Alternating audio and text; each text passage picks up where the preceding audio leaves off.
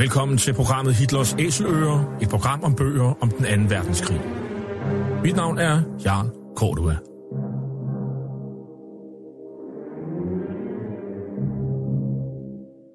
Den anden verdenskrig blev indledt den 1. september 1939 med det nazistiske Tysklands overfald på Polen. Der var tale om en racistisk erobringskrig, der kostede mellem 55 og 70 millioner mennesker livet, og hvor nazisterne systematisk myrdede jøder, romager, slaviske befolkningsgrupper, politiske modstandere og alle andre, der ikke lige passede ind i deres forestillinger om et ensartet folkefællesskab. Nazisterne de blev i årene efter krigen dømt ved krigsforbryderdomstolen i Nürnberg, og flere af deres organisationer, såsom nazistpartiet NSDAP, SS og Gestapo, de blev stemplet som ulovlige forbryderorganisationer.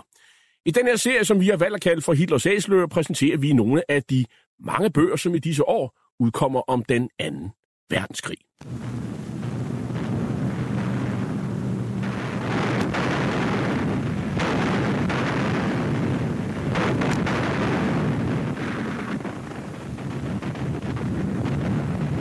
Весь мир волновала в эти дни радостная весть.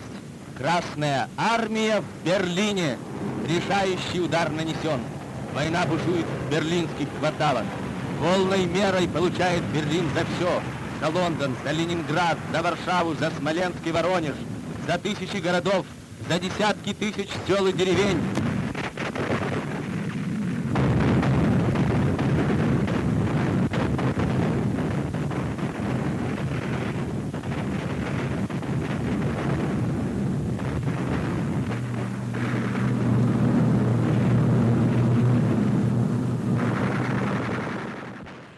Nazi-Tysklands rigshovedstad Berlin er under angreb fra den røde hær. Krasnaya Armea hører vi her i denne lydstum fra en sovjetisk propagandafilm og med kanontorden i baggrunden, mens til 34 kampvognene ruller på vej ind mod byens centrum, hvor det sidste slag skal slås inden byens overgivelse den 2. maj kl. 6 om morgenen 1945. Det blev et frygteligt blodbad, hvor alene de sovjetiske styrker havde 80.000 dræbte. Mange af dem ligger i øvrigt begravet i Berlin den dag i dag.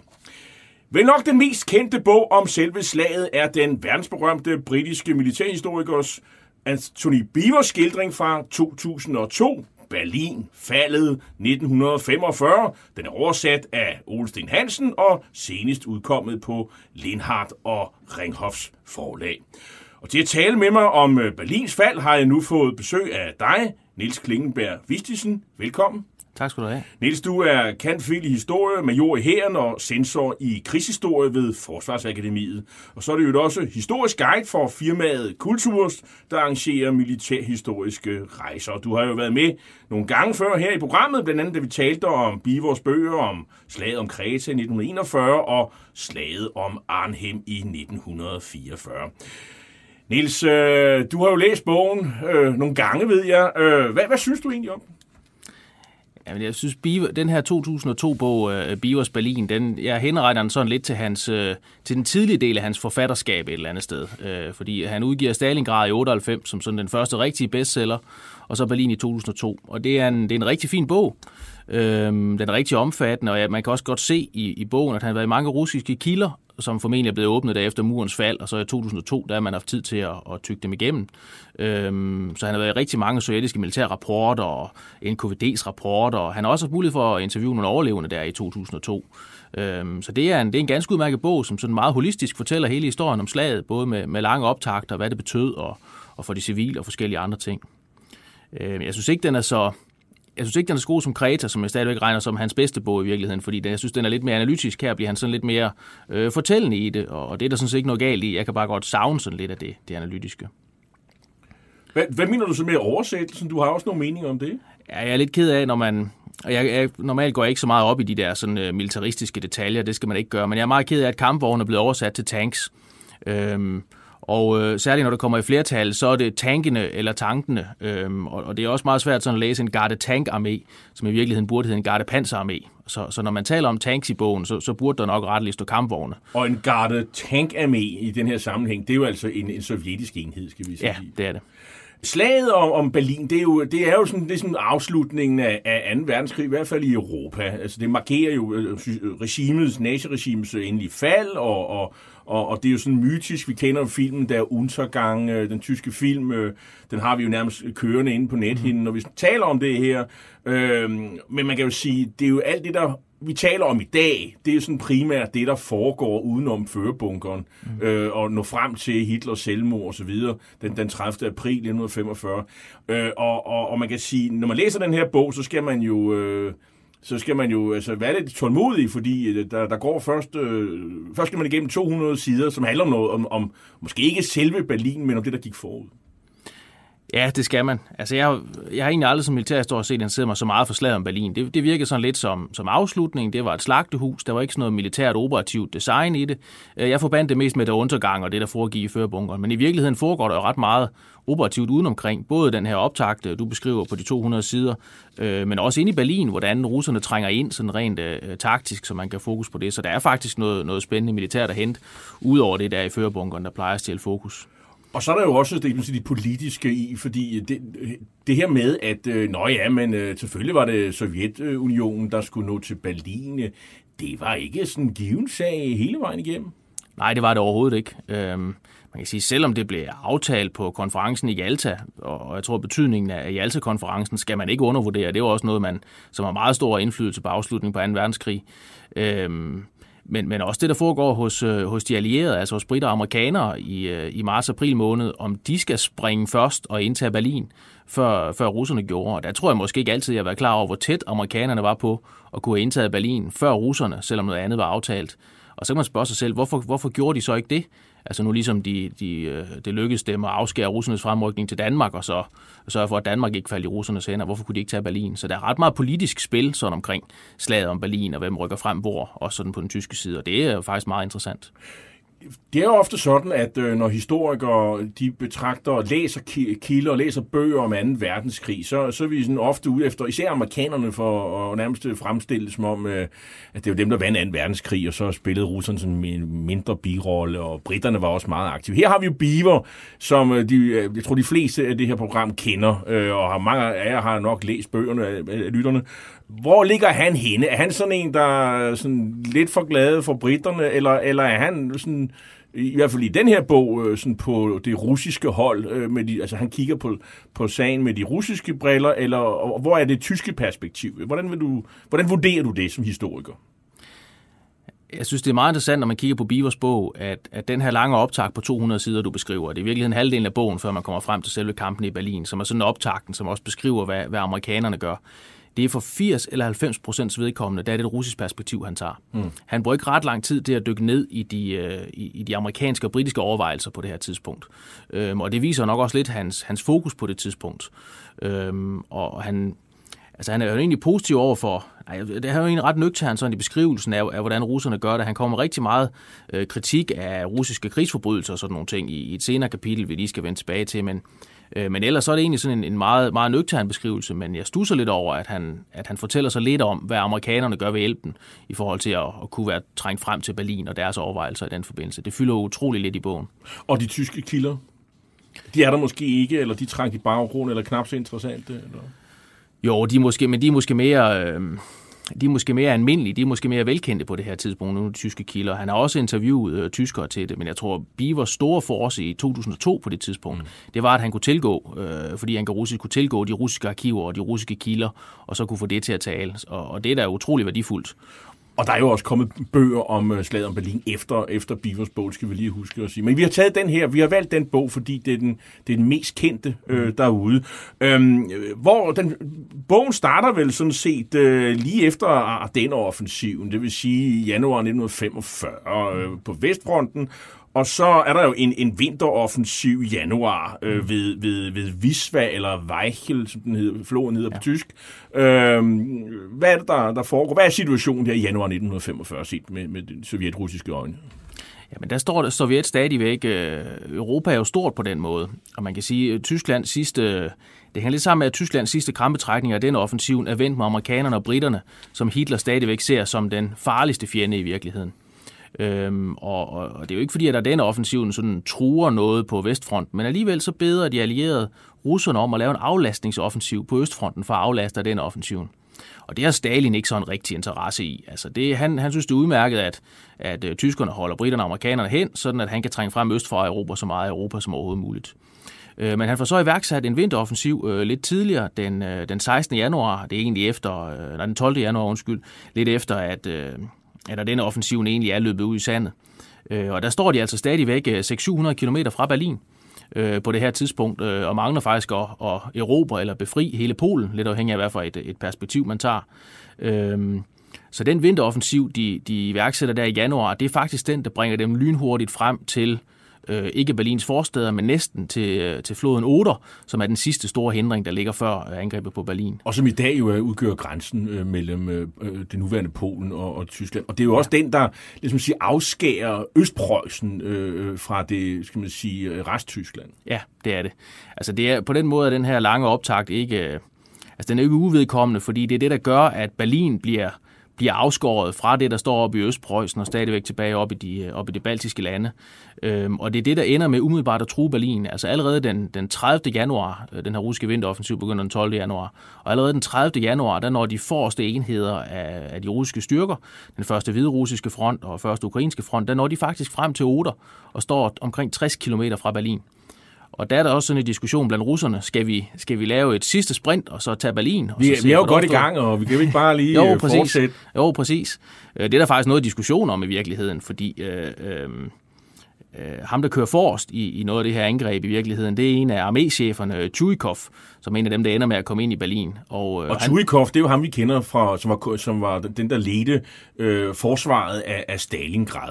Præcis, præcis. Og nu er han så chef for... Øh, for øh, 8. Gardarmé, og han er en af dem, der når først frem til, til Oder, og står kun 65 km fra Berlin. Øhm, og så er diskussionen jo, skal vi så ikke se for det overstået, hvorfor stanser russerne den 30. januar ved Oder for at vente helt hen til april, før de ligesom laver det, det sidste angreb? Øh, og der har Tjujkov i hvert fald sådan lidt imod øh, Shukov, som er hans chef, den her berømte feltmarskal, øh, tidligere sådan de facto forsvarsminister, øh, hvor Shukov ligesom siger, at vi er nødt til at, vi er nødt til at stanse her, fordi vi har ikke, vi har ikke ressourcer til at tage det sidste øh, sprint til Berlin. Men det er sådan noget, de diskuterer efter krigen også, om man skulle have taget Berlin på det tidspunkt. Så er der jo en masse tyske styrker, der er omringet i, i Østpreussen, som er oppe ved Kurland, som er sådan et, det, det vestlige øh, Letland øh, i dag. Øh, der står jo troppeenheder, og, øh, og, og Königsberg er jo ikke blevet indtaget. Altså Königsberg, det nuværende Kaliningrad, Øhm, og så, så står jo russerne ligesom, skal vi, skal, vi, skal vi smadre de her meget store, stadigvæk tyske styrker, øh, e-, eller, e-, eller hvad? Og, og der er jo også en, en diskussion i, øh, i helledelsen i, øh, i Berlin. Jamen, skal vi flytte nogle af de her styrker, så vi kan ligesom forsvare Berlin nu, fordi altså nu er de to områder jo skåret over, og, og, og, og der er selvfølgelig søvejen, hvor man kan evakuere, og det, og det gør man jo så. Ja. Det er lige præcis derfor, at, at Shukov har en meget god pointe i at sige, at man er simpelthen nødt til at stanse den sovjetiske offensiv der, da man når frem til Oder, og så få ryddet op bagved. Altså få, få ryddet op i Königsberg og Østpreussen, øh, få ryddet op i de tyske styrker, der står der. Øh, fordi i den hurtige fremrykning, russerne har lavet i januar, der er de også kørt forbi en masse styrker. Den anden kan man øh, nævne hvad hedder det, øh, næringspanserkorps, som ligger nede i det sydlige Polen, dem kører de næsten forbi. Og der er sådan en tysk panserkorps, der pludselig kommer bag ved de tyske linjer, og så i natten smule med mørke må kæmpe sig tilbage, og så går over Oder lige omkring der den, den 30. januar. Så man kan sige, at de russiske flanker, de er enormt udsat. Øhm, også fordi, at tyskerne ikke, netop ikke trækker deres styrker tilbage fra Kurland og fra Königsberg og andre steder. Så de russiske flanker, de er enormt udsat.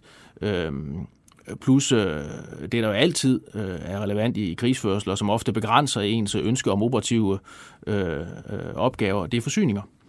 Øhm, og der kan man sige, når sådan de her sovjetiske øh, arméer, når de har trængt 600 km frem på, øh, på knap 14 dage, øh, jamen så skal der samles op med forsyninger af brændstof, mad, ammunition og forskellige andre ting. Og der har øh, den sovjetiske her jo et problem, fordi øh, de skal jo have, der, der, de kører med smalborgssporsjernbane øh, i, i Sovjetunionen, og sporene, de skifter altså, når man kommer til, til Polen, så de bliver altså nødt til at anlægge en ny jernbane for ja. ligesom at, at få ja. det til at køre igen. Ja, og der skal man jo tænke på den her sovjetiske krigsmaskine, som 2,5 millioner mand med 10.000 kanoner, der skal forsynes med, med mad og brændstof, ammunition og andre ting. Og de kan ikke stjæle sig til det hele i Polen, så man er nødt til at have ret mange forsyninger frem for at understøtte 2,5 millioner mand. Så det er, noget, det er noget af det, der er medvirkende til, at man er nødt til at bremse op og så forberede sig på det næste store hop. Og i mellemtiden så foregår der jo et, en tragedie af dimensioner, hvor, hvor, hvor, hvor øh, skal man sige, tyske civile og soldater jo flygter øh, i, i redsel øh, over at det, som de, øh, øh, det, som de forventer, nemlig at de bliver voldtaget og og, og hvad hedder det, bestjålet, og det sker faktisk også i ret mange tilfælde. Øh, man kan sige, at propagandaen har allerede hisset dem helt vildt op, men realiteterne øh, viser sig jo også at, at, og, og at, at være reelle. Øh, altså, det, altså, det er jo reelle ting, de bliver udsat for, og, øh, og det er jo fordi, at, at Østpreussen jo ligesom får lov at smage øh, russernes hævn over de øh, Øh, voldsomme krigsforbrydelser, de selv er blevet udsat for af, af den tyske værnemagt og, og SS og, og hvem der ellers har, har, har været i gang i, øh, i, i Rusland. Altså præcis i Østpreussen, hvor, hvor russerne første gang trænger ind helt tilbage i øh, oktober 44, og det er der, man får den, den allerførste forsmag på det, uden at de rigtig til erobre det. Og det benytter Goebbels jo øh, virkelig som propaganda og viser, hvad de her sovjetiske uhyre, de kan finde på af voldtægter og andre ting. Og, og Sovjet har jo brugt det på samme måde over for deres soldater, og opbildet dem til at sige, at, at nazisterne er nogle uhyre, øh, og også en slags undermennesker. Det går sådan set lidt begge veje, ikke? Som, som de kan tillade sig at gøre hvad som helst imod. Øh, og derfor ser mange af de sovjetiske soldater, de ser øh, det som, øh, som, som et legitimt bytte, de skal have, når de finder øh, tyske kvinder. Wie haben sich die Soldaten und Offiziere nun in ihrem Ort den Frauen gegenüber verhalten? Äh, man kann hier gar nicht von Soldaten und Offizieren in diesem Sinne sprechen. Man kann hier nur sprechen von bestialischen Horden. Denn die haben sich alle gleichmäßig benommen. Alle täglich betrunken. Sie haben also Frauen, alle Frauen vergewaltigt, von Jugendlichen angefangen von 13 Jahren bis zu Frauen von 68 Jahren. In meiner Gegenwart eine 68-jährige Frau vergewaltigt worden in allergemeinster Weise. Und diese Volksgenossinnen hier auch, ja? Ja, sogar meine Mutter von 60 Jahren haben sie nicht geschont, sondern haben sie auch bestialisch vergewaltigt. Und Sie selbst auch hier? Ja, sogar meine Schwester und meine Mutter in bestialischer und tierischer Weise haben sie misshandelt. Ja, det er tysk propaganda, der interviewer øh, tyske civile såkaldte Volksgenossen inden, som det jo hedder i nazistisk øh, sprogbrug. Øh, meget tyder på, at det er reelt nok. Øh, vi ved i hvert fald historisk, at, øh, at de voldtægter, som de omtaler her, er fulde, øh, de kalder dem for bestialske hårder af, af, af, af soldater, øh, foretager sig de her øh, forbrydelser imod dem og, og folk, de kender, øh, eller kvinder, som de kender. Så, og det ved vi jo så historisk set er rigtigt. Så det her er propaganda, men der er realiteter i, i, i tingene. Lad os prøve at gå lidt videre, fordi Øh, Øh, på det her tidspunkt, øh, hvad, hvad gør man så? Altså, man, øh, man nedkæmper man så, øh, øh bruger man alle kræfterne på at nedkæmpe, øh, øh, hvad skal man sige, de, de tyske styrker i, i, i Østpreussen, eller forbereder man sig allerede nu til det endelige slag, som kommer øh, hen i, øh, i marts-april? Ja, man gør, øh, man gør begge dele. Man er nødt til at bruge dele. Øh, den øh, front, der ligger nordligst, er anden hvide russiske front. Øh, og hvad er en front for noget? Ja, en front på russisk, det er der svarer til en armégruppe på, mm. øh, i, i vestlig forstand i virkeligheden. Og det er en gruppe af arméer. Øhm, og de er ret store, der er ret mange arméer i, øh, i, i den sovjetiske her, i den røde her. Hvad taler vi om? En halv, en hel million mand? Ja, sådan en front er en halv million mænd, eller sådan noget stil. Ikke? Okay. I, organiseret sådan et sted mellem 4, 5, 6 arméer, eller sådan noget stil, som har lidt mindre end 100.000 i hver. Øh, det er sådan i rundtal, øh, de der fronter. Det er omkring en halv million i, i hver front. Øhm, og hvem har man sat i spidsen for de tre øh, fronter her, som er, er, er reelle og afgørende i slaget om Berlin? Ja, men de tre, der trænger ind i, i Polen, der er også nogle længere sydpå ned mod Balkan, men de tre, der trænger ind i Polen, øh, den midterste front, øh, som er den vigtigste, og den, der egentlig er udset til at indtage Berlin, øh, det er Marskal Zhukov, øh, måske den, mindste, den mest kendte af dem, af dem alle sammen, øh, fra forsvaret af Leningrad, forsvaret af Stalingrad, har også været, hvad skal vi sige, en slags forsvarsminister i, øh, i, i, øh, i Sovjetunionen øh, på et tidspunkt. Og han bliver så sendt ud igen i, i fronttjeneste, kan man sige, som, som chef for det, der hedder øh, Første Hvide Russiske Front. Og øh, da han bliver udnævnt som chef for Første Hvide Russiske Front, altså man er næsten nødt til at tolke det som om, at Stalin vil have en, en både dygtig og kompetent marskal, men også en, han på en eller anden måde kan stole på i spidsen for den øh, front, der skal indtage Berlin. Øh, fordi så fjerner man nemlig Marskal Rokossovski, øh, som, som hidtil har haft kommandoen over første hviderussiske front. Ham flytter man lige op på anden hviderussiske front, der ligger op mod, mod Østersøen.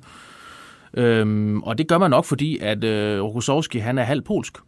Og øh, nu skal man jo ikke føre krig i Sovjetunionen længere, nu kommer man ind på polsk territorium.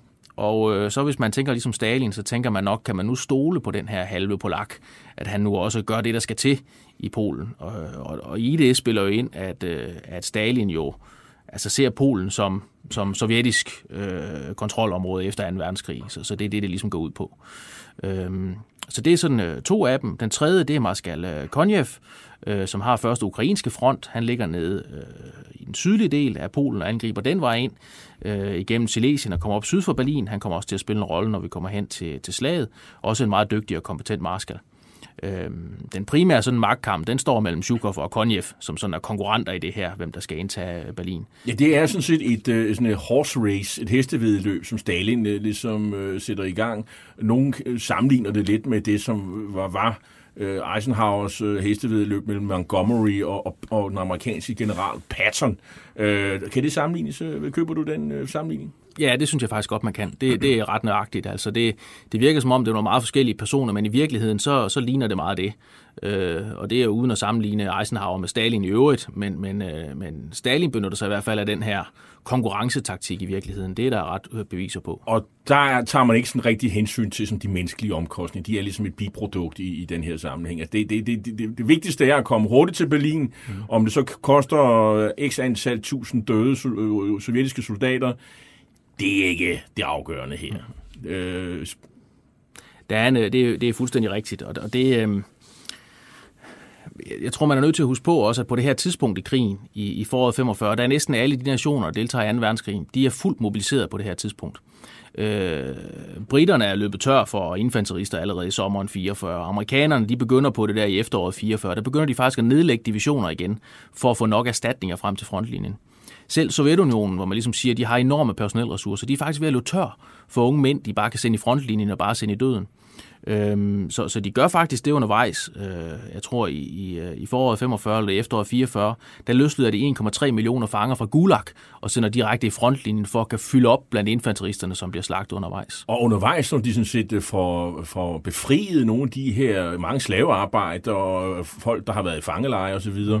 I, i Tyskland, jamen de får øh, meget få timer til at gøre sig i stand, og så, har de, og så får de en riffel, og så er sted mod fronten. Der er ikke meget. De får ikke lov til at hvile på, på lavbærene. Nej, der er nogle af dem, der har siddet i tysk krigsfangelejre, altså regulære sovjetiske soldater, der har siddet i krigsfangelejre siden 1941, øh, altså i øh, tre år. Når de så bliver befriet fra en eller anden krigsfangelejre, så er det direkte gevær i hånden og så tilbage i frontlinjen. Hvordan ser det så ud med, med forsvaret af, af skal man sige, det, det, vi kalder for Tyskland? Og der skal vi nok sige, øh, altså Pommern er væk, Slesien er tabt allerede på det her tidspunkt. Så vi, vi taler om faktisk de grænser, som i dag udgør øh, det, det, vi i gamle øh, kalder for Østtyskland. Altså Oder-Neisse. Altså bag Oder-Neisse, øh, hvor fronterne nu går, efter at man har indtaget... Øh, øh, efter man har haft den der januaroffensiv, vi, vi har omtalt indtil videre. Øh, der har man jo øh, fået en, en ny chef, øh, Heinrich Himmler, øh, den 24. januar, øh, øh, som er jo øh, chefen for SS. Øh, hvor, hvor, nu skal han jo pludselig vise, hvad han duer til på slagmarken. Hvordan går det? Ja, det går bestemt ikke særlig godt. Øh, Himmler er jo, som så mange andre i nazitoppen, har jo ingen militær uddannelse øh, eller noget som helst. Og alligevel så bliver han udpeget som armégruppechef for en helt ny armégruppe, øh, Vistula eller Weichel, eller hvordan du nu vil. Helt lidt afhængig af, hvad sprog du udtaler det på. Men det er sådan den nordlige armégruppe, som også har ansvar for forsvaret af Berlin i virkeligheden. Det udpeger man Gud hjælpe mig, Heinrich Himmler til. Hvad er det, han ikke kan finde ud af? Jamen, han har jo ingen øh, militær træning eller begævelse eller operativ forståelse eller noget som helst. Øh, så når, han har jo en stab i den her armégruppe, som fortæller ham nogle ting om russernes fremrykninger, og han ved simpelthen ikke, hvad han skal svare til det. Øh, og derfor så forklarer de også, at når Himmler han har været til, til møde i førebunkeren i Berlin, og har fået nogle af de her øh, vanvittige rotter fra Hitler, ikke øh, forsvar den og den fæstning, øh, angrib der og der, øh, jamen øh, så kommer han tilbage til sin stab og kan ikke igen forklare, hvad der er blevet sagt, ikke? og så øh, de siger, det han mest øh, taler om, det er øh, standgericht for de soldater, der trækker sig tilbage. Det er sådan det, det kort, han altid har at spille. Øh, men, men altså, inden at øh, slaget om Berlin går i gang, så bliver han jo så afløst af, af Heinrichi, øh, ja. som er også en general, og, og, ja. og, og, og han er kompetent. Han er meget kompetent. Han er nok den øh, dygtigste tyske forsvarsgeneral, øh, de har.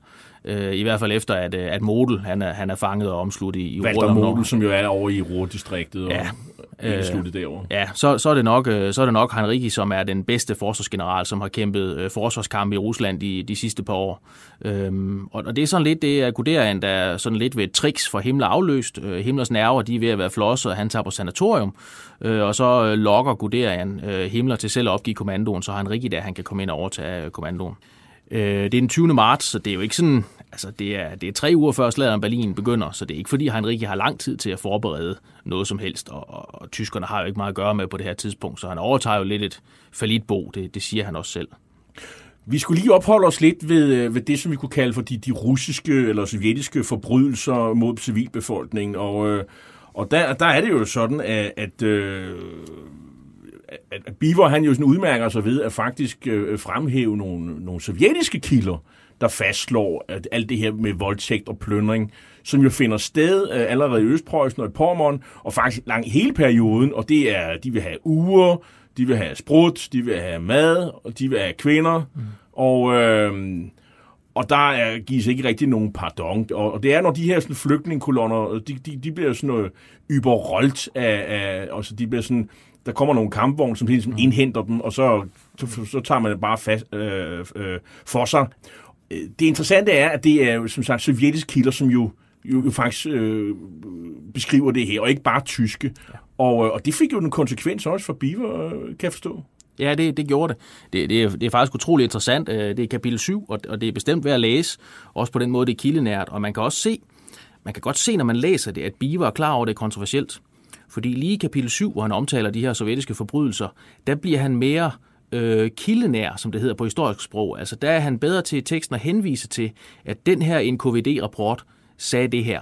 Og NKVD, det er jo sådan den øh, sovjetiske efterretningstjeneste, ja, kan man sige. Ja, det, er, det er de sovjetiske. Det, det, det, får, det der var blevet til KGB siden. Ja, det hemmelige politi og, og dem, der stod for meget af det. Og de har jo, Jamen det hemmelige politi, de har i virkeligheden til opgave at holde øje med de sovjetiske soldater. Det er jo sådan den interne kontrol. Ikke? Så bag de her sovjetiske fronter, der er der nogle NKVD-regimenter. Altså øh, tusindvis af NKVD-soldater, som holder øje med de sovjetiske soldater. Det vil sige dem, der falder bort fra den rene kommunistiske vej, de skal jo så også øh, i, i Gulag og andre steder. Og NKVD, de rapporterer øh, ret detaljeret, det er det Biver, han, han genfortæller har som kilder, ret detaljeret, hvordan de her sovjetiske soldater, de plønder og voldtager. Øhm, og man kan sige, det er jo, det har jo altid været kendt, at den, at den røde her har opført sig sådan. Det er ikke sådan egentlig noget nyt i sig selv.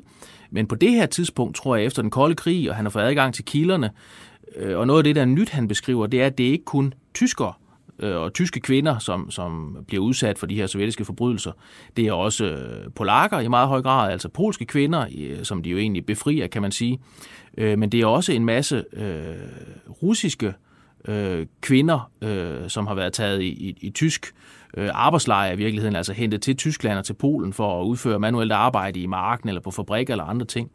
Og de her russiske kvinder, de har jo tænkt, uh, nu bliver vi befriet, nu kommer den røde her befri os, vi kommer hjem til Rusland, og så bliver det i virkeligheden voldtaget med det samme af de her russiske landsmænd. Og hvis man nu for eksempel er tysk kommunist og har glædet sig til at, øh, at blive befriet, men det, det, det hjælper altså ikke en. Altså de her frontoviker, som de kalder sig, mm. øh, frontsoldater, de har det der valgsprog, men frag ist frag. Ja. Altså, og hvad man har af ideologisk overbevisning, ja. det er fuldstændig ligegyldigt. Og, og officererne gør intet for at øh, holde dem tilbage. Der er selvfølgelig eksempler på det, ja. og, det, og det, er jo det, det er jo det, der er øh, så øh, helt øh, hårdrejsende, øh, at, at, at, der, at de har overhovedet ikke styr på det, og der går lang tid før, at øh, øh Sovjetunionens øh, her, røde her, øh, får, får styr på deres egne, egen folk. Øh, vi skal måske øhm, øh, gå frem til omkring, øh, hvad situationen er her ved, øh, ved øh, før, at, at, at man, man, øh, man starter slaget øh, om Berlin. Øh, fordi det, det er jo sådan, at man slås jo på mange steder. For eksempel så er der mange af de her tyske byer, som øh, Poznan, Breslau øh, og, øh, og andre byer, Königsberg også på et tidspunkt. Mm. Det er sådan nogle øh, frontbyer. Øh, som skal holdes øh, til sidste mand, og, mm. og, og, og, og faktisk er det jo sådan, at øh, Breslau-byen, at den her Festung mm. Breslau, mm. faktisk øh, falder sådan noget det sidste hen i maj øh, 45, hvor de har været under belang i tre, tre måneder, tror jeg det.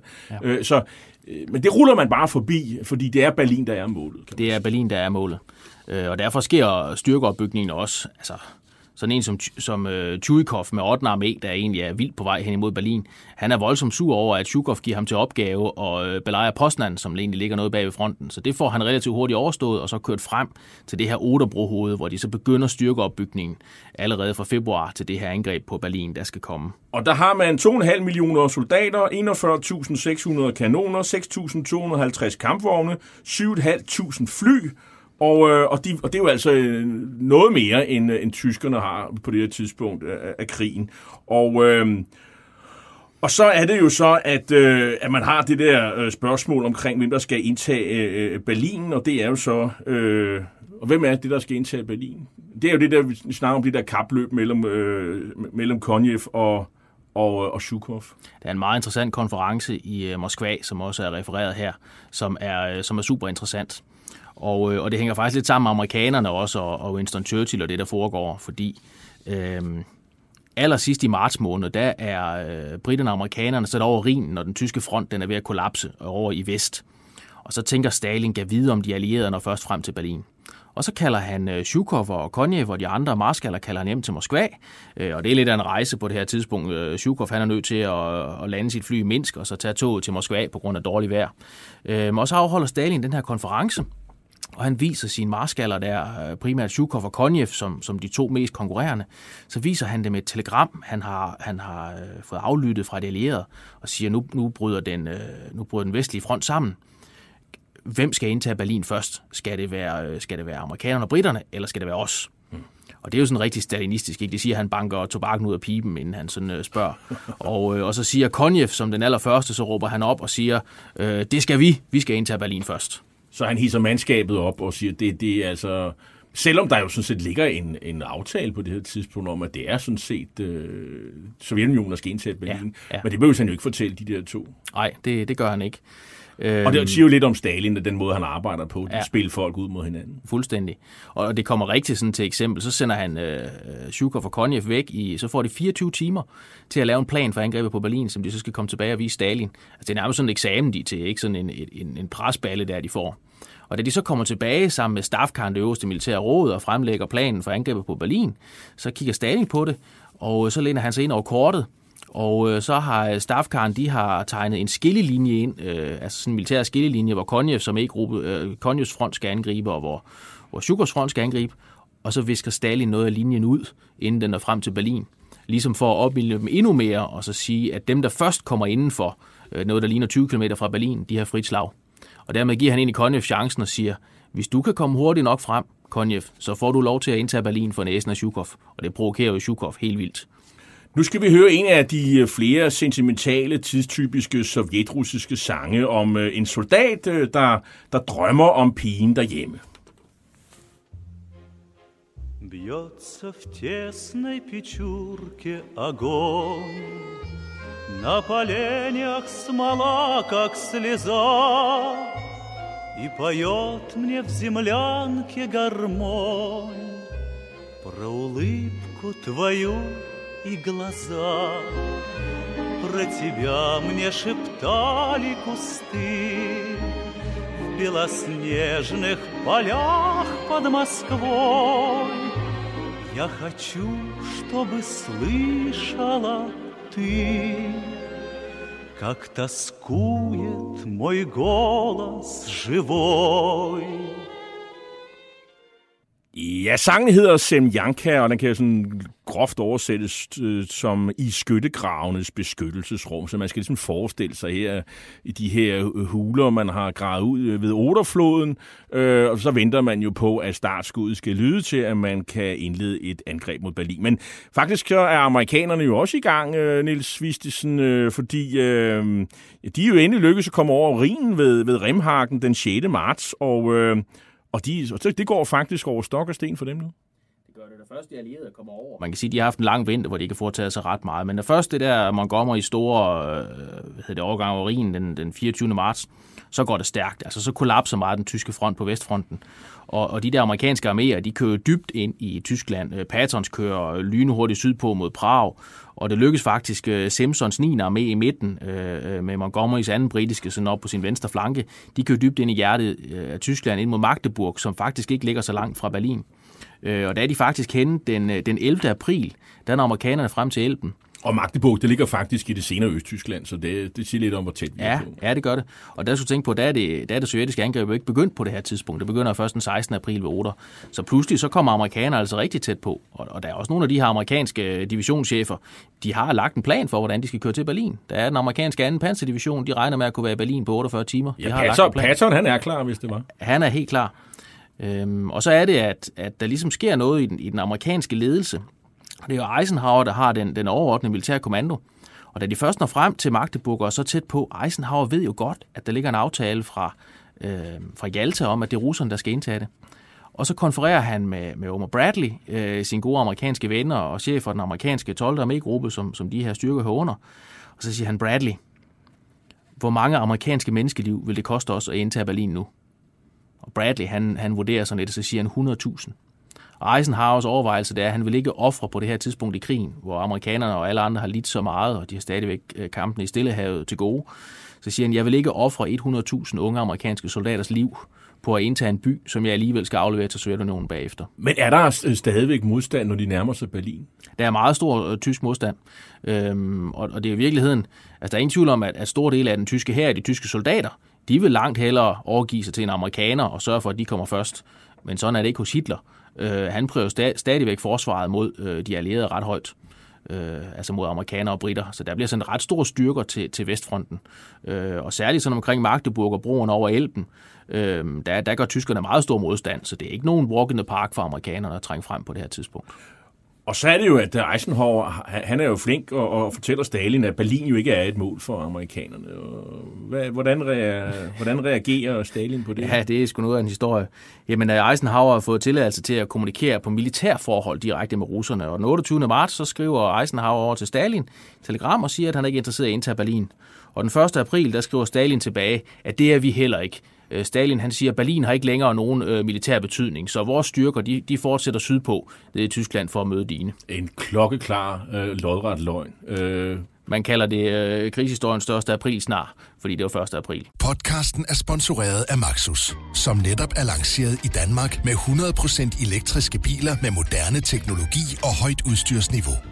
Find din forhandler på maxus-danmark.dk Hier kann jeder Deutsche die Handhabung dieses vom Feind gefürchteten Panzernahbekämpfungsmittels kennenlernen. Es ist genauso einfach, wie es aussieht.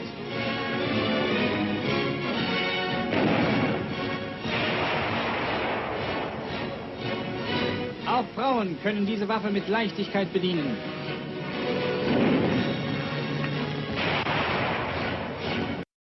Ja, det er tysk urevy med, med tyskere, der, der lærer at skyde med, med panserfaust, en pansernæve, altså de her våben, man kan bruge til at bekæmpe kampvogne med.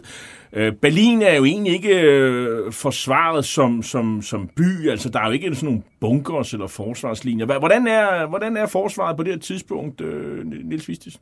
Jamen, som du siger, der er ikke noget. Øh, altså, den nazistiske top har ikke forestillet sig, at Berlin skulle blive øh, slagmark eller, eller øh, forsvaret by eller noget som helst. Så der er faktisk ikke rigtig gjort nogen forberedelser. Det er først hen i marts, at man ligesom ikke kan... Så, så kan man ligesom ikke undgå at, at se det i øjnene længere, at man er nødt til faktisk at begynde at lave et eller andet øh, forsvar i Berlin. Øh, Så det, der vil kendetegne mange andre byer med forsvarslinjer og bunkers og sådan noget der, det er der ikke noget af i, i Berlin. Det skal man til at lave som sådan noget improviseret noget øh, hen i marts måned. Men ude ved øh, Selover, øh, Selover Høge, som ligger øh, tæt på øh, Kystrin, som er sådan mm. en, en by, som en, garnis, en gammel øh, garnisonsby, mm. som, øh, som, som, som, som russerne har indtaget. Øh, mm. øh, der er sådan et højdeplateau, øh, kan man sige, hvor, hvor, hvor, hvor det faktisk giver god mening at, hvad skal man sige, at lave en forsvarsstilling. Det gør det. Øhm, der, hvor, der, hvor russerne er kommet over Oder, altså der, hvor, hvor øh, primært Tjukovs 8. gardearmé er kommet over Oder og fået et brohoved der den 30. januar, det er noget, som stort set er en sump eller et engeområde.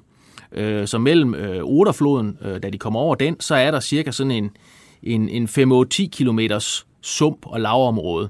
Og det bliver så afløst af et højdedrag, der hedder Selor Høge, som faktisk går en, en 30 meter op, altså nogle seriøse bakker. Det, hvis man tager ned og ser det, det er et enormt illustrativt terræn at se, sådan rent militært. Øh, og derfor så er det en, det, altså det er en, det er en sindssygt god naturlig forsvarslinje. Så man kan sige, militært set giver det også meget bedre mening for tyskerne at, at forsvare Berlin ud ved det højdedrag, frem for at begynde at bygge noget ind i byen. Og der har general Busse øh, gravet sin 9. Øh, armé ned. Det har han. Og, han, og det er sådan en del af Heinrichs armégruppe. Ja, det er det. Øhm, og der har Heinrich jo også prioriteret, at de stærkeste af sine styrker, de står dernede, fordi det er også der, man, man forventer eller ved øh, fra efterretning, at det er formentlig der, det, det sovjetiske angreb, det vil komme, når det kommer. Og det ligger øh. lige umiddelbart stik øst øh, øh, for Berlin. Øh, hvor mange kilometer er der fra Berlin og så ind til, øh, ud, ud til Silleå og Høge? Det er omkring øh, 40 kilometer, og det ligger lige på Reichsstraße 1, på en af autobanerne, der, der egentlig fortsat direkte til Königsberg. Man kan sige det om forsvaret derude, at altså det er nogen, som sagt, Henri har sendt sine bedste styrker øh, ned til Buses 9. armé, men det er jo ikke stærke styrker, vi snakker om på det her tidspunkt. Øh, Göring har tilbudt en øh, 9. Fallschirmjæger-division, som vi også møder inde i Berlins centrum senere, øh, men det har jo ikke noget med Fallschirmjæger at gøre, som vi kender fra for eksempel Kreta. Ikke? Altså, det er jo, det er jo luftwaffe jordpersonel, som man nu har givet en faldskærmshjelm, og så kaldt øh, det Fallschirmjæger. Ikke? Det er jo nogen totalt uden, øh, uden kamperfaring. Øh, og så er der sådan en, en enkelt panserdivision Müncheberg fra en by, der ligger mellem Berlin og Seelor, der hedder Müncheberg. Så det er, de lidt, har, det er lidt skrab sammen af alle mulige enheder? Det er absolut skrab sammen. Der er ikke nogen eliteenheder. Man skal ikke forestille sig, det er eliteenheder, som kæmper på det her tidspunkt. Øh, Kampene indledes jo den 16. april, øh, og, øh, og det er jo så russisk artilleri, øh, og der er meget af det. Der er meget artilleri. Øh, der er en kanon for hver øh, øh, meter. Øh. Ja, det, det er der. Det, øh, altså, russerne har altid lagt stor vægt på, øh, på artilleri øh, sådan i hele deres, deres krigsførelse. Øh, og der har man jo haft mulighed for at samle til sådan et, øh, til sådan et angreb der. Der har man samlet en enorm artilleriforberedelse, øh, som man har gjort klar til der den 16. april, da angrebet det begynder. Og så har man de her så luftværnsprojektører, man, øh, man ligesom øh, på en eller anden led retter imod øh, øh, højdedragene her. Hvad, hvad skulle det hjælpe, og, og give det øh, dem nogle fordele? Ja, de kalder det lidt et, øh, et smart trick i virkeligheden. Man har fået 143 af sådan nogle af de der helt store lyskaster, øh, luftværnsprojektører. Dem har man øh, fået frem. Dem har man taget fra luftforsvar omkring Moskva og kørt frem til, til, til Oder. Øhm, og det man regner med, de kan, det er, at når man lyser dem, øh, ikke op i luften, men, men helt langs jorden, så vil man blænde de tyske forsvar, så de ikke kan se, øh, når det russiske angreb det kommer der meget tidligt om morgenen. Øh, men det er jo i virkeligheden en, øh, en total fiasko, fordi der er så meget støv og røg i luften, eller den, efter den her artilleriforberedelse, at de i virkeligheden blænder de russiske soldater mere i deres angreb, end det blænder de tyske forsvarer. Ja, og forsvarerne har faktisk noget skyde efter os. Ja, de, de står de i op, kontrast, dem der De kommer. står i silhuet. Ja, de gør så. Så øh, er det jo sådan, at det her enorme øh, artilleriangreb, der kommer, øh, det gør jo så, at, øh, at øh, dem, der ligger ude i forreste frontlinje, de får altså meget ned over ørerne. Ja. Og, øh, og det er ret voldsomt, og det er faktisk svært at overleve. Men, men det har tyskerne været ret forudseende og, og foretage en, en taktisk tilbagetrækning på det tidspunkt. Ja, altså der, selvom tyskerne er enormt numerisk underlegne i virkeligheden, og det ikke er eliteenheder, så ledelsen under sådan nogle forsvarseksperter som Heinrich, de har alligevel noget, noget taktik, som de kan anvende på den her måde. Og omkring Selo og Høge, der er der anlagt tre forsvarslinjer i dybden. Øh, det er noget taktik, som tyskerne egentlig har, har, har opfundet over i, i Rusland i virkeligheden. Men der er tre forsvarslinjer i dybden. Og den forreste forsvarslinje, som er den, øh, russerne koncentrerer deres artilleribombardement omkring, der gør tyskerne altid det, at om morgenen inden sådan et angreb, når de er efterretning om det, så trækker de alle soldaterne væk fra den forreste, øh, fra den forreste række af skyttegrave tilbage til den anden. Og så er det først, når den russiske artilleriforberedelse den stopper, så kan de så gå frem med de forreste skyttegrave. På den måde undgår de at blive ramt af den første artilleriforberedelse. Og det lykkes faktisk i nogen grad for tyskerne. Altså at, så derfor kan man sige, at det sovjetiske artilleribombardement, det her enorme bombardement med er det 9.000 kanoner, øh, øh, der skyder det. Noget med, de skyder halvt så mange granater, som der blev skudt ved slaget ved sommer under 1. verdenskrig. Altså det er sådan en helt vanvittigt antal af granater, der bliver skudt. Og efter artilleriet, så kommer infanteriet over Oderfloden øh, i store træk, og så kommer kampvogne. Mm. Og så, ja, så skulle de jo sådan set bare ræse af, af, af af hovedvejen ind mod Berlin, og så var den pot ude. Eller hvordan kommer det til at gå, Nils? Det går jo selvfølgelig overhovedet ikke efter planen. Øhm, og det er faktisk noget af det, at Tjukov indrømmer efter krigen, at han har undervurderet styrken i det tyske forsvar ude på Selo og Høge. De begynder angrebet den 16. april. Og så var det øh, planen, at Berlin som by skulle være indtaget den 22. april, som tilfældigvis er Lenins fødselsdag, som jo har betydning for det her. Man kan sige fra den 16. til den 22. april, øh, det er jo seks dage. Øh, og det kræver, at alting går snorligt efter planen. Og derfor så havde Zhukov planlagt på, at Selo og Høge, altså selve højdedragene, de skulle være indtaget allerede den 16. april, øh, altså på angrebets første dag. Og man kan sige, at på den første dag, der når de ikke længere ind til bare foden af højdedragene. Øh, og, og det er simpelthen, altså jeg kalder det sådan en, en, øh, en, en Det er vel en halvdel, halvdelen af det er vel russisk inkompetence i virkeligheden, ikke? fordi det, de kan ikke angribe igennem det her sumpområde. De kan ikke trænge så hurtigt frem. Altså, Kampvogne kører fast. Det gør de. Det, det er en urealistisk plan i virkeligheden. Øh, så det lykkes faktisk tyskerne at holde dem hen i tre dage, der på Selo og Høge. Og Stalin han ringer jo til Zhukov for at høre, hvordan går det? Hvad, ja. hvad svarer, hvad svarer Zhukov så? han siger, han siger kære Stalin, det, i morgen erobrer vi det. I morgen erobrer vi det. Hmm. Og, og, det er sådan lidt, det er når man står og kigger på terrænet, man forestiller sig, at her, hernede i det her sumphul hernede, der ligger der to øh, sovjetiske arméer. Der ligger altså 200.000 soldater nede i det her lille bitte brohoved i øh, 5. chokarmé og i Tjujkovs øh, øh, 8. gardearmé. Og Zhukov han bliver så utålmodig, at han tager de to gardepanserarméer, altså alle kampvognene, og så sender han dem over floden ind oveni, så det bliver et kæmpe stort trafikkaos. Det er ikke sådan noget, der ligefrem er befordrende for at få angrebet til at gå hurtigere. Så de har sådan set kun et øh, skal man sige, greb i lommen, det er, at Øh, hvis vi er kørt fast, så sender vi nogle flere øh, kampvogne præcis, ind. Præcis. Og, og det medfører nogle flere tab også. Altså, det er jo virkelig en blodig slagmark. Altså, Bio skriver i bogen, at de, hvert år, der finder de jo omkring 1000 lig. Det gjorde de i hvert fald omkring år 2002. Ja. Øh, ja. Øh, så det, altså, der er jo rigtig mange mennesker, der, ja. der, der går til. Øhm, men men øh, hvordan, hvordan øh, har, har tyskerne ikke selv kampvogne, og, og har de ikke selv noget, der kan be, bekæmpe det der, øh, og, og, og sker det ikke sådan rimelig effektivt, øh, trods alt? Jo, det gør det faktisk. De har et antal panservandskanoner, der ligger op på Selov Høge, der, der har rigtig gode skudmuligheder øh, ned i det der sumområde, hvor de russiske kampvogne sidder fast. Og selv da russerne trænger igennem og kommer længere frem, der er nogle, der er nogle træfninger, hvor tyskerne giver dem godt igen. Blandt andet omkring den her by Müncheberg, som ligger sådan halvvejs til Berlin på det her tidspunkt. Øh, der er der sådan en tysk afdeling med 12 kongetier kampvogne, som pelser sådan et helt sovjetisk øh, kampvognsregiment. Øh, de udlægger 64 sovjetiske kampvogne sådan i løbet af ganske kort tid. Så de tilføjer russerne nogle alvorlige tab. Men det, der er problemet med, med, med, med den tyske her på det her tidspunkt, det er, at de løber tør for ammunition, de løber tør for mænd, de tør, forsyninger og kampvogne. Og, og, og brændstof, det er jo, det er jo en, en fortælling om uh, tyske kampvogne, der hele tiden løber tør for brændstof, og så må de ødelægge materialet for, for at komme videre, og ikke, for det ikke falder i fjendens uh, ja øh, hænder. Et af hovedkvarterernes kybelvarken, som kun bruges i nødstilfælde, fordi de har ingen benzin til det. Og man kan sige, at efter tre dages russisk pres, så er de altså så er tyskerne slidt så meget ned, altså simpelthen bare ved, ved det enorme pres, ikke? og de er skudt tør for ammunition og alt muligt andet, at så er det egentlig en, så er, det en, så er det en tysk flugt tilbage mod Berlin i virkeligheden, og, og, og det tyske forsvar bryder reelt sammen der øh, omkring den 19. Øh, det 56. 20. Panzerkorps, det er øh, chef, han hedder Helmut Weidling, øh, og ham skal vi høre om lidt senere. Han, han, han må trække sig tilbage efter, efter to dage, og, og det er sådan en ren flugt. Og det, på det tidspunkt har, sender man også sådan Hitlerjugend frem øh, ja. i de, til rent slagteri. Øh, ja. De har heller ikke nogen kamperfaring. Man bør sige det om Weidling, at, at øh, han er en dygtig general, og åbenbart med en samvittighed, fordi øh, øh, fra Berlin, der sender man det her Hitlerjugend frem i forreste linje for at forstærke det. Og da Weidling han møder de her Hitlerjugend-drenge og ser, hvor, hvor, hvor unge de er, så nægter han simpelthen at indsætte dem i frontlinjen. Så siger han, gå tilbage til Berlin.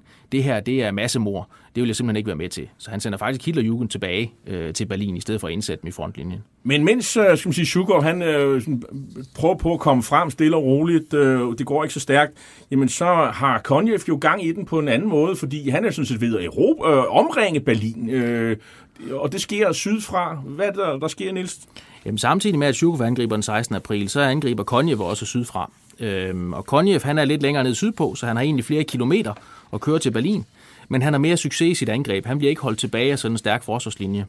Så da først Konjevs øh, arméer, de kommer over øh, floderne Oder og Neisse dernede, øh, faktisk øh, relativt let, øh, så har de øh, ikke fri bane, men næsten fri bane til Berlin. Så han sender to gardepanserarméer op mod Berlin sydfra i sådan et, øh, nærmest sådan et uppercut, hvis man skal tale boksesprog ned sydfra. Og de nærmer sig med hastige skridt øh, Berlin sydfra. Oh, og der ligger jo Sossen, det ligger, der ligger Oberkommando der Wehrmacht. Øh, der har de jo hovedkvarter, det er bunkerområdet. Man kan ovenikøbet se det i dag, hvis man vil. Det ligger sådan, den 30-40 km syd for Berlin ja. og så videre. Ja. Så hvad, hvad, de får jo travlt med at brænde papir, tænker jeg, og flytte hovedkvarteret. Ja, det gør de. Det er jo ikke fordi de ved godt, at, øh, at russerne er på vej, og de sender faktisk, de har sådan en lille opklaringsenhed nede i det her tyske øh, Oberkommando der Wehrmacht, der ligger sådan rigtig hovedkvarter, det er Guderian sidder og forskellige andre.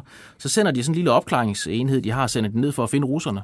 Og der går ikke ret lang tid, før de finder russerne og siger, at øh, de lider voldsomme tab og i hårde kampe, ikke? og så ved de godt, at der er to panser med på vej mod deres hovedkvarter. Og så må de så forlade det. Altså, jeg tror, det er ganske få timer, før russerne kommer, at, at den tyske øverste herledelse faktisk forlader deres hovedkvarter nede i Sossen. Og så har vi jo så en, øh, en, en, en, en 12. armé, øh, der er ledet af en general Vink, som også er interessant her. Hvor, hvor ligger de på det her tidspunkt, øh, og hvilken rolle kommer de til at spille? Jamen, Wencks øh, 12. armé, som er meget berømt fra, fra filmen Det Undergang, der altid bliver talt om, øh, Vink var egentlig øh, Guderians øh, næstkommanderende og, og såret op i Østpreussen og sådan noget, og, og han er sådan en, en, øh, en sidste effort for at lave et ordentligt forsvar, og Vinks 12. armé ligger faktisk over ved Magdeburg og kæmper mod amerikanerne øhm, og, og gør det godt øh, på den måde. Men efterhånden, som russerne kommer tættere og tættere på Berlin, jamen så bliver det aktuelt at sige til Wencks 12. med, at den skal vende om. Øh, den skal selvfølgelig stadigvæk kæmpe med amerikanerne, men så skal den primært komme tilbage og undsætte Berlin og redde Berlin fra det russiske angreb. Men det er jo så Wenck, der senere hen kommer til at, sådan, at i hvert fald forsøge at, at hjælpe øh, Busses 9. armé, som vi har hørt om. Det er altså det, den armé, der stod oppe ved, ved Seelover Høge, men som trækker sig øh, øh ned ja. mod syd faktisk, syd for Berlin. Og, og så er de sådan indsluttet på et tidspunkt, men det kommer vi, vi, vi til. Mm. Øhm, Blutrote Rosen sollen dich umkosen sollen dir sagen, dich ich lieb nur allein dich, wenn dann die Rosen dich zärtlich umkosen, denke zuweilen eine wenig an mich. Ja, en populær øh, foxtrot fra, fra 20'erne, øh, Blodrute Rosen, Blodrøde Roser, en meget populær plade, som blev spillet omkring øh, parret Eva Braun og Adolf Hitler. Biver, han bruger også en del på øh, sider på ligesom at beskrive stemningen i, i det tredje riges top. Øh, Hitler, han følger jo med fra, fra, fra førerbunkeren, og, og og han forsøger sådan set også at blande sig i den måde, de fører, fører krig på, og, og han når også frem til, at han vil jo ikke forlade Berlin og, og flygte rundt i skovene, men øh, han vil altså øh, ende sine dage i, i, i, i hovedstaden. Øh, mange de vil jo så godt forlade Berlin, øh, og øh, der er de her guldfasaner, som er partipamperne, nazitoppens. Mm. De havde sådan nogle gule uniformer, så derfor blev de kaldt for guldfasaner. De, de er ikke så vilde med at kæmpe. De vil hellere stikke af med alt det, de øh, har røvet og stjælet. Og, og øh, øh, Nils Vistisen. Ja, altså indtil meget, meget sent, så er det jo befalet af, af, af ledelsen, og, og særligt af Goebbels, at alle våbenfører mænd, de skal blive i Berlin. Og det gør jo de her guldfasaner, de ikke kan stikke af før den, øh, før den 21. april, bliver der sådan ligesom givet tilladelse. Der er Berlin tæt på at være omringet. Ikke den 21. april, der er angrebet i gang. Der får de så ligesom tilladelse til at, at flygte fra Berlin, hvis de kan få en underskrift fra den militære ledelse om, at de ikke er våbenfører. Og det medfører det her kaos i, øh, i hovedkvarteret for, øh, øh, for Berlins forsvar under general øh, Rehmann, at, øh, at der står 2.000 øh, sådan fra den øverste nazitop, som stod i kø uden for hovedkvarteret for at få en gul seddel på, at de ikke var våbenfører, så de kunne få lov til at stikke af fra Berlin. Men så gamle mænd og, og, og børn ned til, til 14 år, oven i købet også øh, unge piger faktisk, der melder sig. Hildegard Knef, den senere øh, tysk sangerinde, hun, hun er faktisk med til at, at og, og, og forsvare Berlin øh, sammen med sin, med sin daværende kæreste. Øh, vi har også øh, i, i Untergang-film, der hører vi også Adolf Hitler blande sig på et tidspunkt, og, og han har, sætter også sin tillid både til, til Wenck, som vi hørte om før, mm. men også til arméabteilungs øh, Felix Steiner, som mm. er jo en SS-general. Og, mm. hvor er han hen i det her spil, Nils? Steiner, han ligger oppe nord for Berlin, og han er en del af Heinrichs øh, øh, armégruppe øh, Vistula deroppe, og, og Steiner, han er sådan set øh, åbenbart en dygtig officer, selvom han, er, selvom han så nu er inde i SS. Øh, det er jo ikke alle der, der var dygtige, men, men han er sådan set dygtig nok, men han har bare ingen styrker tilbage. Øh, Heinrich har taget alle, alle hans rigtige panserstyrker og sendt ned til Busses 9. armé nede ved Selår Høge, så Steiner har to forkølede bataljoner og nogle krigsmariner tilbage. Øh, og Hitler bruger ham alligevel til at lave et øh, stort angreb mod Berlin og befri Berlin. Så det kan man simpelthen ikke øh, befri øh, Berlin med på det, her er, tidspunkt. Det er, det er helt håbløst. Hvad, hvad gør Steiner så? Ignorerer han øh, førerens ordre, eller hvad, eller hvad? Ja, det gør han. Det gør han. De laver et lille kort angreb, men ellers så, øh, så ignorerer han det egentlig og trækker sig tilbage, for han har ikke andre muligheder. Og det er der mange generaler som ham, der bliver nødt til at gøre, fordi at, det giver simpelthen ikke mening, de skal man sige, ordre, der kommer fra, ja. fra førerbunker. Ja.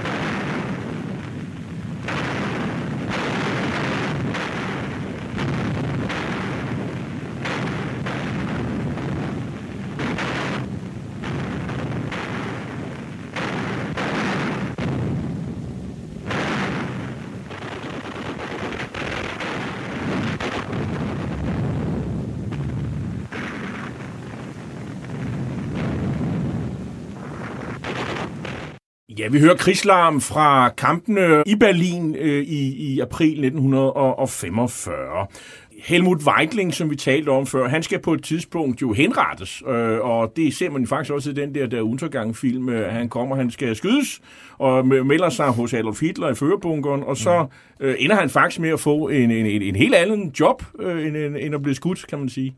Ja, det gør han. Øhm, da han trækker sig tilbage fra Selo Høge i kaos, så opstår der et rygte om, at han har stukket af og stukket helt om på vestsiden af Berlin og så videre og så videre, og derfor så beordrer Hitler ham skudt.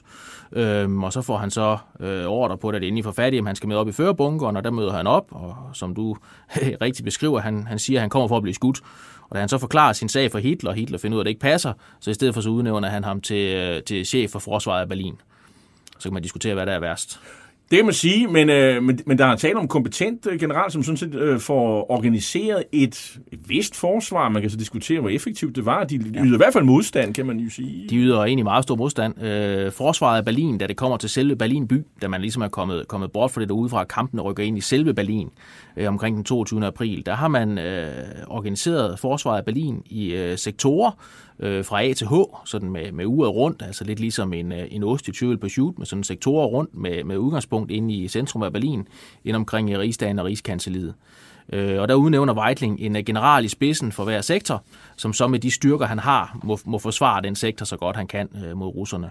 Øh, men han har jo ikke ret mange Altså Weidling har ikke ret mange regulære styrker at gøre med, og det er her, at Volkssturm og Hitlerjugend pludselig begynder at spille en rolle, også sådan rent numerisk. Og det er jo sådan set ravl og krat. Øh, hvor, hvor gammel skal man være for at slippe for, for at komme med i Folkstum? Man skal være i 60'erne, ikke? Øh, før jo, det skal man. Så, eller, eller, eller under 14 i Hitlerjugend, ikke? Og, øh, og der er både... Jamen, det er jo, det er jo egentlig noget frygteligt noget, det her forsvar. Der er jo både Folksturm øh, 1 og 2, øh, Folksturm 1 og 2, og Folksturm 1, det var dem, der havde våben, og Folksturm 2, det var dem, der ingen våben havde. Så man oprettede faktisk enheder, der ikke engang var bevæbnet. Og nogle af dem var bevæbnet med franske rifler med fem skud hver og en frygtelig blanding af, af materiel og forskellige andre ting. Hvad består kerneforsvaret af? Jamen, selve kernes forsvar er inde omkring, øh, inde omkring selve øh, Rigskanseliet, hvor Hitler er. Det er en SS-brigade øh, Monke. Øh, de har så kodenavnet Z, det centrale kvarter derinde. Og han har Centrum. Cirka, Centrum. På tysk. Og han har jo øh, han har cirka 2.000 mand med sig, altså i SS'er og også nogle få panserkøretøjer og noget. Øh, og det er sådan det er kompetent, ikke, men 2.000 mand er jo ikke ret meget imod den her øh, sovjetiske. Og ellers så er det de divisioner, som Weitling egentlig har med sig tilbage fra Selo og Høge. Øh, der er 18. SS Panzergrenadier-division, øh, der er den her 9. Fallschirmjæger Division, som jo slet ikke var Fallschirmjæger. De er også blevet voldsomt ødelagt. Øh, han har sin egen panserdivision Müncheberg, som har nogle, nogle få kampvogne tilbage. Øh, man er måske nede på 60 kampvogne i alt til hele forsvaret af Berlin på det her tidspunkt. Øh, så det er de rester, han har med til at organisere forsvaret af Berlin med. Og, og i, blandt andet i forsvaret, der er blandt andet SS Division Nordland, øh, blandt andet med, med Regiment Danmark og Norge, og, ja. og der er selvfølgelig også nogle franskmænd, øh, SS-franske øh, mænd ja. med, ja. Øh, som, og de, man kan jo have mange holdninger til øh, de mennesker her, men de kæmper faktisk øh, ret øh, heroisk. Øh.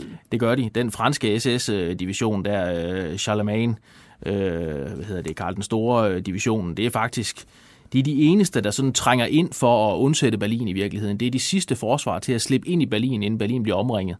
Øh, og de kan ikke få alle deres styrker med ind, fordi de kan ikke, så mange køretøjer har de ikke. Så det er 350 franske SS'er, som møder op inde ved Rigskanseliet den, øh, den 21. april og siger, der fyre her er vi for at hjælpe dem med forsvaret af Berlin. Man kommer østfra med, med hvad hedder han, Shukov, og, og sydfra med Konjev, og... Øh, og det vil sige, det, det er syv arméer i alt, der mm. sådan ræser ind mod bykernen, så man bliver angrebet fra, ja, faktisk fra syv forskellige retninger. I virkeligheden. Det er jo svært at holde på et tidspunkt, så må det jo gå galt. Det må det. Øhm, så allerede den 20. april, der får russerne omringet Berlin, så der ikke kan slippe nogen ind eller ud. Øhm, og det er også vigtigt for dem, sådan at amerikanerne heller ikke kunne komme ind. Nu er det så ikke rigtig aktuelt, men det var noget, russerne overvejede på det her tidspunkt. Og så har de faktisk alle de her arméer, de kommer ind øh, direkte mod centrum og kæmper mod hinanden af syv forskellige akser ind.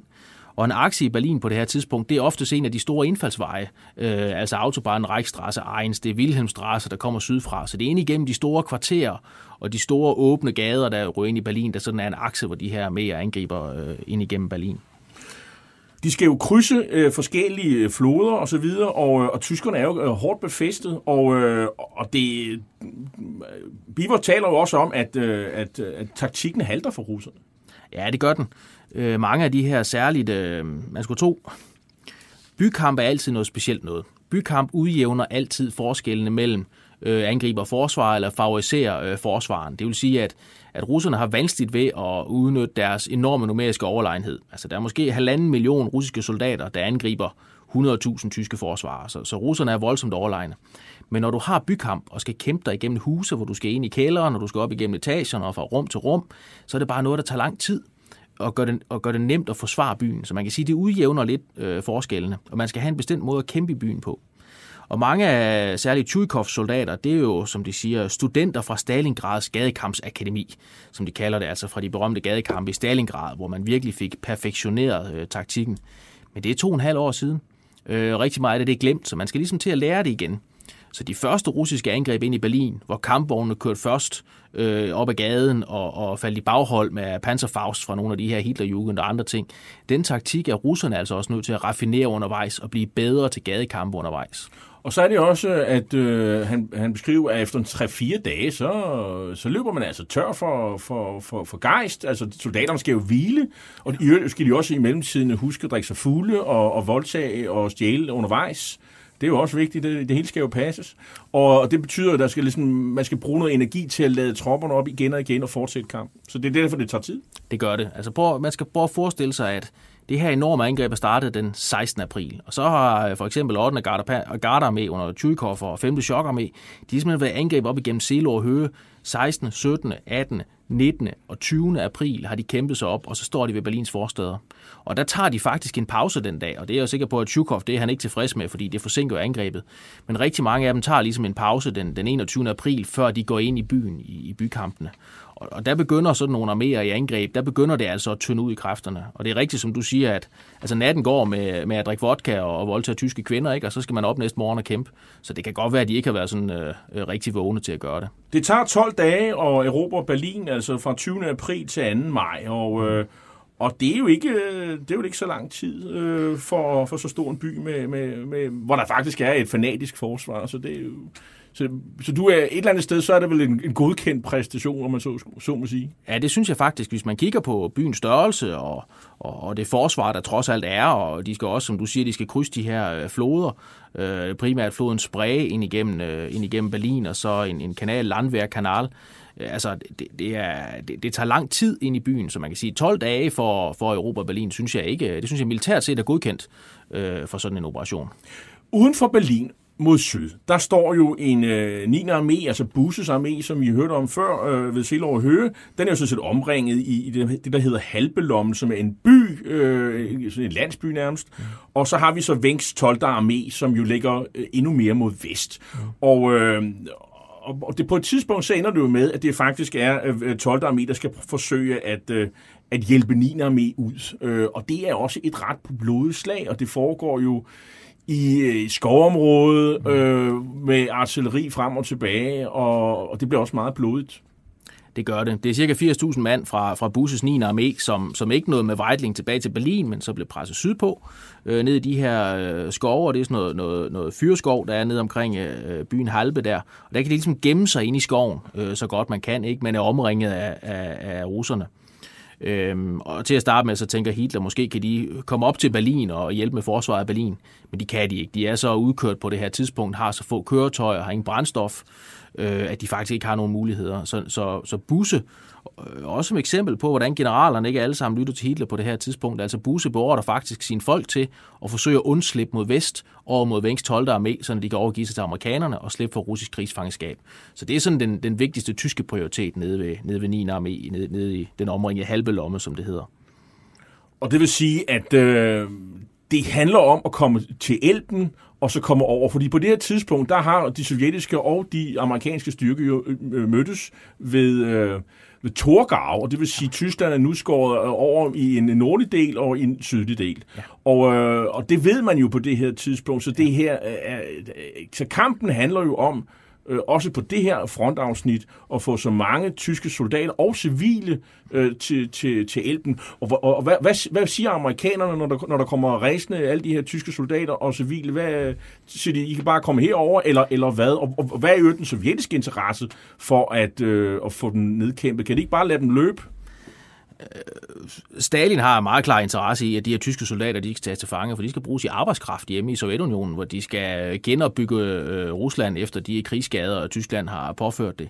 Og amerikanerne, de er jo sådan lidt, jeg tror, de ser lidt igennem fingre med nogle af de øh, tyskere, der ligesom slipper væk og overgiver sig, men det er heller ikke sådan, de hjælper det helt vildt. Øh, så der er nogle vilde scener, hvor øh, tyske soldater og civile simpelthen er nødt til at svømme over elben, øh, og mange drukner og klatrer over ødelagte broer. Øh, simpelthen for at komme på den anden side af elben på det her tidspunkt. Amerikanerne er ligesom stanset op. Altså deres angreb fortsætter jo ikke vildt og voldsomt mod, mod Vengst 12, der er med på det her tidspunkt, så det giver lidt luft. Og på et tidspunkt så er, er den sovjetiske granatil jo så, så, så kraftig og så tæt på amerikanerne, så de bliver nødt til at trække sig tilbage fra, fra floden, og så får de andre jo, tyskerne jo muligheden for at komme over floden, fordi nu er de ja. så øh, ikke, øh, ja. skal man sige, der er vagterne jo væk, og, ja. øh, og man skal jo forestille sig, at granater ryger jo ned i, i forhold til, om det er civile eller andre, det er fuldstændig ligegyldigt. Øh, og der er jo de her sovjetiske Stomovik øh, øh, flymaskiner, som ja. jo konsekvent angriber på kryds og ja. tværs. Så det, det er jo et, det er jo meget scenarie, der udspiller sig her. Vi, ja. kunne, vi kan komme tilbage til øh, skal man sige, det endelige slutopgør omkring stormen på, på rigsdagen. Altså, jeg har også lagt mærke til, at øh, Sovjetunionen er jo så, er jo så øh, skal man sige, forhippet på at få det her afsluttet hurtigst muligt, at de bruger, de bruger meget artilleri, øh, og de bruger meget, så meget artilleri, at de faktisk ligger og, og skyder på hinanden. Øh, det er ikke så få sovjetiske soldater, der faktisk omkommer mm. på grund af friendly fire, vil man jo sige i dag.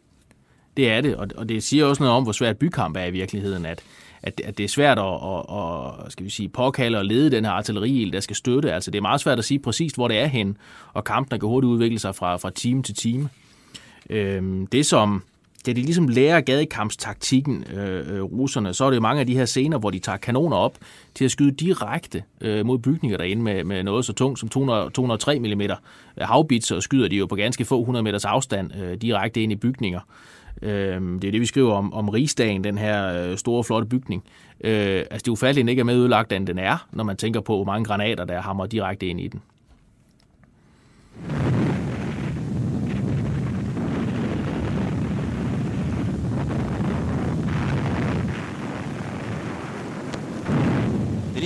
Апреля. Захвачены главные районы столицы Германии.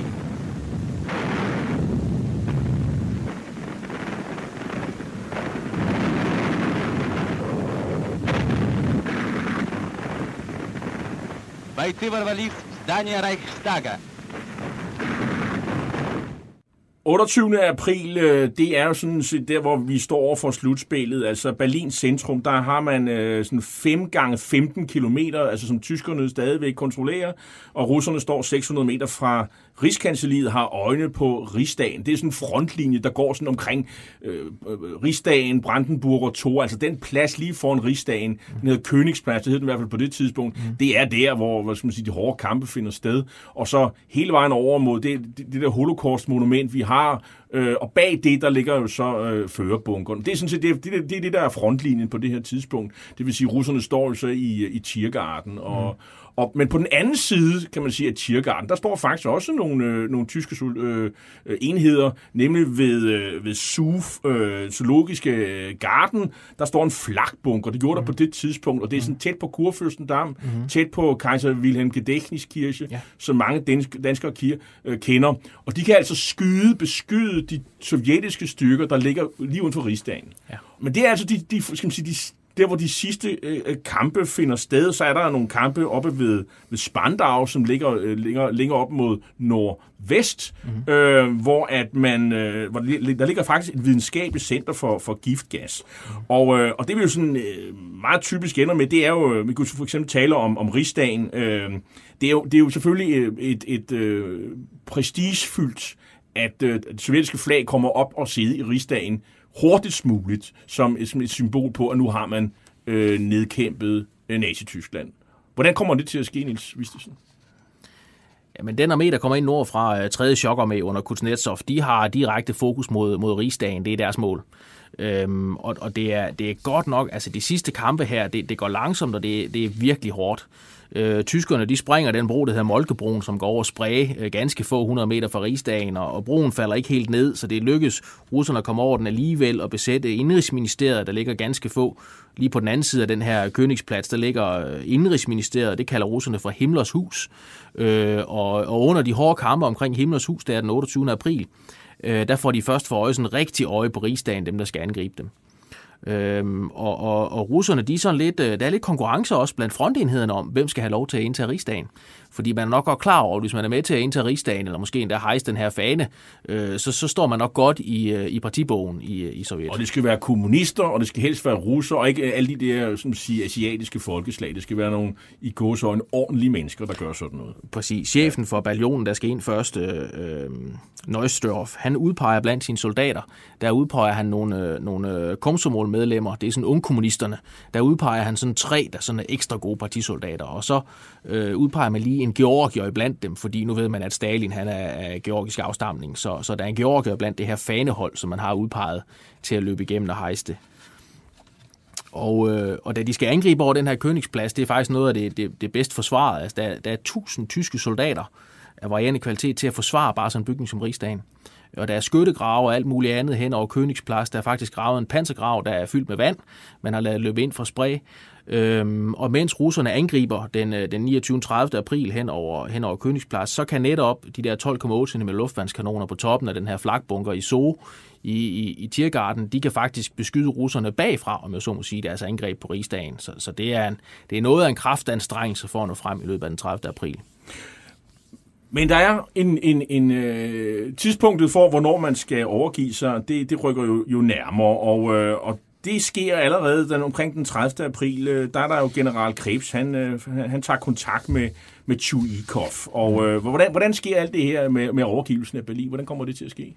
Der er en vigtig forudsætning for, at man overhovedet kan tale om overgivelse af Berlin, og det er, at Hitler han er væk. Så efter Hitlers selvmord, øh, som vi jo så sige, kender så godt, den, den 30. april, så er det ligesom om, at, at der kommer en lettelse og siger, nu kan vi jo rent faktisk tale om overgivelse. Så, øh, så Krebs, øh, Øh, som taler en lille smule russisk, han, han mødes med Tjujkov den 30. april om aftenen øh, og, og, og foreslår, at de skal overgive sig øh, øh, til, til russerne. Og det vil Tjujkov ikke rigtig høre tale om, fordi Krebs er måske ikke smart nok. Han, han siger, at vi kan kun overgive nogen, der forsvarer Berlin. Vi kan ikke lave en fuldstændig overgivelse. Og så er han sidder med alle trumferne på hånden, ikke? Altså, der er jo ikke, Krebs har jo ingenting at forhandle med, russerne har jo nærmest udslettet det hele. Så, så Tjujkov, han, øh, han, han siger faktisk nej øh, til det øh, i første omgang. Og så er det først nogle nye forhandlinger den, øh, den øh, 1. 2. maj, altså dagen efter, som egentlig fører til en overgivelse. Og øh, man kan sige, når Hitler er væk, så medfører det for eksempel også, at, øh, at øh, at, at, at, at den tyske her jo for eksempel begynder at indføre militær hilsen, altså honør igen, øh, frem for Heil Hitler, nazi-hilsen, som jo ellers har været standarden siden den 20. Mm. april 44, øh, morforsøget på, på, på, på Hitler. Mm. Øhm, øhm, ja, det hører lidt med til historien, hvor meget Hitler egentlig har haft greb om det på det tidspunkt. Ikke? Altså, da, alle har været klar over, at Weidling kommer tilbage til Hitler på et tidspunkt den, den 30. april og siger, nu kan vi holde i mindre end 24 timer. Ikke? Og russerne står 600 meter fra Rigskanseliet. Og det er nok noget af det militært set, der er med til, at Hitler træffer beslutningen om, at det er nu, han skal begå selvmord, og ikke før eller senere. Den siger, nu, nu, nu kan de stå her hvert øjeblik, det skal være, så hvis ikke jeg skal blive taget til fange, så er det nu, jeg skal begå selvmord. Øhm, og det giver så mulighed for, at alle generalerne ligesom kan tale om at enten overgive sig til, til russerne, eller forsøge at slippe ud af Berlin via et, et, et, et undvigelsesforsøg. Så kommer der et øh, sovjetisk styre i Berlin, øh, med, hvor man flyver sådan et øh, administratorer ind fra Moskva, der kommer feltkøkkener op, øh, og, øh, og så, ja, så, så starter der jo et nyt liv, men for inden da, der skal øh, befolkningen jo så voldtages, altså i hvert fald den kvindelige del. Og, øh, og det er jo øh, helt forfærdeligt. Jeg tror, det er 10.000, man mener, der har begået selvmord øh, øh, efterfølgende. Øh, og det er omkring 2 millioner tyske kvinder i alt øh, i, over hele Tyskland, der bliver voldtaget. Og, og Berlins civilbefolkning mærker jo virkelig konsekvensen. Men som, som Biver meget, skal man sige, øh, køligt øh, skriver, de får det i det mindste lov at leve, de bliver, mm. de bliver, de bliver i det mindste ikke fordrevet, som mm. det skete med befolkningen i, i, i Østpreussen. Mm. Vi skal prøve at gøre øh, tallet op her. Hvad kostede det for øh, det her sådan, øh, øh, slaget om Berlin for, for, for de sovjetiske styrker, Niels Vistesen? Øh, russerne gør deres egne tab til ca. 80.000 dræbte og 275.000 sårede, øh, altså derfra den 16. april og så frem til 2. maj, da det ligesom overgiver sig. Øh, så det er altså 300.000 i, i det, man kalder tab på de her, øh, på de her 14 dage. Øh, det, det er ret massivt tab i virkeligheden, men afspejler jo også, at det var bykamp, som var ekstra blodigt. Hvordan går det så med, med de tyske tab? De tyske tab er jo, er jo noget mindre, fordi de ikke har så mange at tabe på det her tidspunkt. Øh, jeg synes, det er lidt vanskeligt, at Biver ikke, ikke er mere detaljeret omkring de tyske tab i virkeligheden. At Biver skriver ikke så meget om det, så, så når vi kigger lidt på det andre steder, så er der nogen, der siger 22.000 civile øh, og et eller andet lignende militært. Øh, jeg synes bare, det virker som et lavt tal, øh, og formentlig ikke taget meget af det her øh, selvmord blandt tyskere, altså blandt, blandt både tyske kvinder, men også mænd, der ikke kunne holde til det, og, og, og Gud forbyde det børn. Ikke? Altså, jeg synes i det hele taget, det er ikke fordi Biver ikke beskriver lidelserne af den tyske civilbefolkning, men han er ikke så detaljeret, som man kunne have været måske, fordi det er en anden ubehageligt. Og, og, og det er ikke altså, som, som, øh, som historiker, så er det noget, man skal læse og forstå, at sådan er krig, men jeg må nok sige, som menneske, så øh, noget af det her med, med spædbørn og andre ting, det er ikke behageligt læsning. Det er ret vildt, øh, det der bliver ja, beskrevet. det er det. Det var vigtigt af propagandahensyn for Stalin at komme først til Berlin, selvom at de guldreserver, han havde håbet på, at han kunne konfiskere, de var faktisk flyttet, og dermed uden for hans rækkevidde. Og øh, ja, det er selvfølgelig en skuffelse. Berlins fald er jo ens betydende med naziregimes de facto endeligt, selvom at den endelige og fuldstændige kapitulation, den kommer jo så først en uge senere, den 8. maj kl. 23.01. Berlin vedbliver at være stridsmål under hele den kolde krig, først med blokaden i 1948-49, og siden af den af DDR-regimet opførte mur, der delte byen i 28 år fra 1961 til 1989. Tak skal du have, major Niels Klingberg Vistisen, fordi du kom her i dag og talte med mig om den britiske militærhistoriker Anthony Beavers bog Berlin faldet 1945, der er udkommet på Lindhaft og Ringhofs forlag. Du kan øh, fil i historie, major i hæren og sensor i krigshistorie ved Forsvarsakademiet. Og så er du også historisk guide for firmaet Kultur, der arrangerer militærhistoriske rejser. Hitlers æsler er slut for i dag. I teknikken sad Josefine M. Hansen, og jeg hedder Jarl Cordova og er vært og tilretlægger programmet. Du kan genhøre dette program og de andre programmer i serien via berlingske.dk-podcast og Podimo. Vi slutter dagens program med en russisk popsang fra de tidlige 1940. Vi skal igen høre den sentimentale Selmjanka i en lidt længere version. Tak for i dag.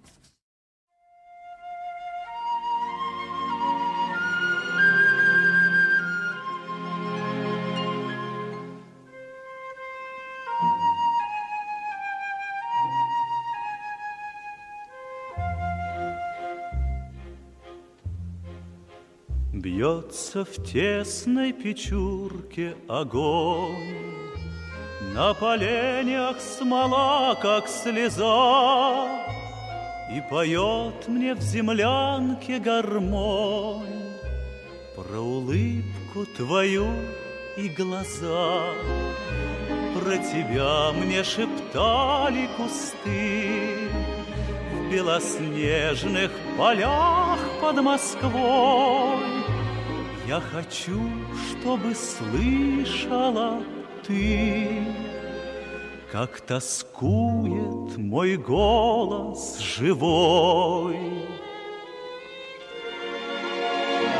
Ты сейчас далеко-далеко, Между нами снега и снега, До тебя мне дойти нелегко а до смерти четыре шага. Бой гармоника в юге на зло, заплутавшее счастье зови. Мне в холодной землянке тепло от моей негасимой любви.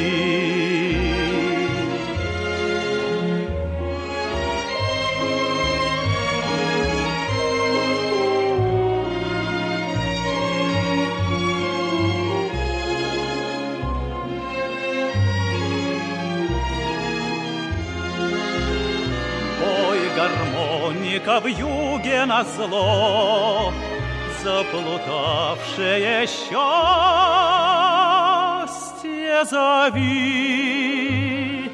мне в холодной землянке тепло от моей негасимой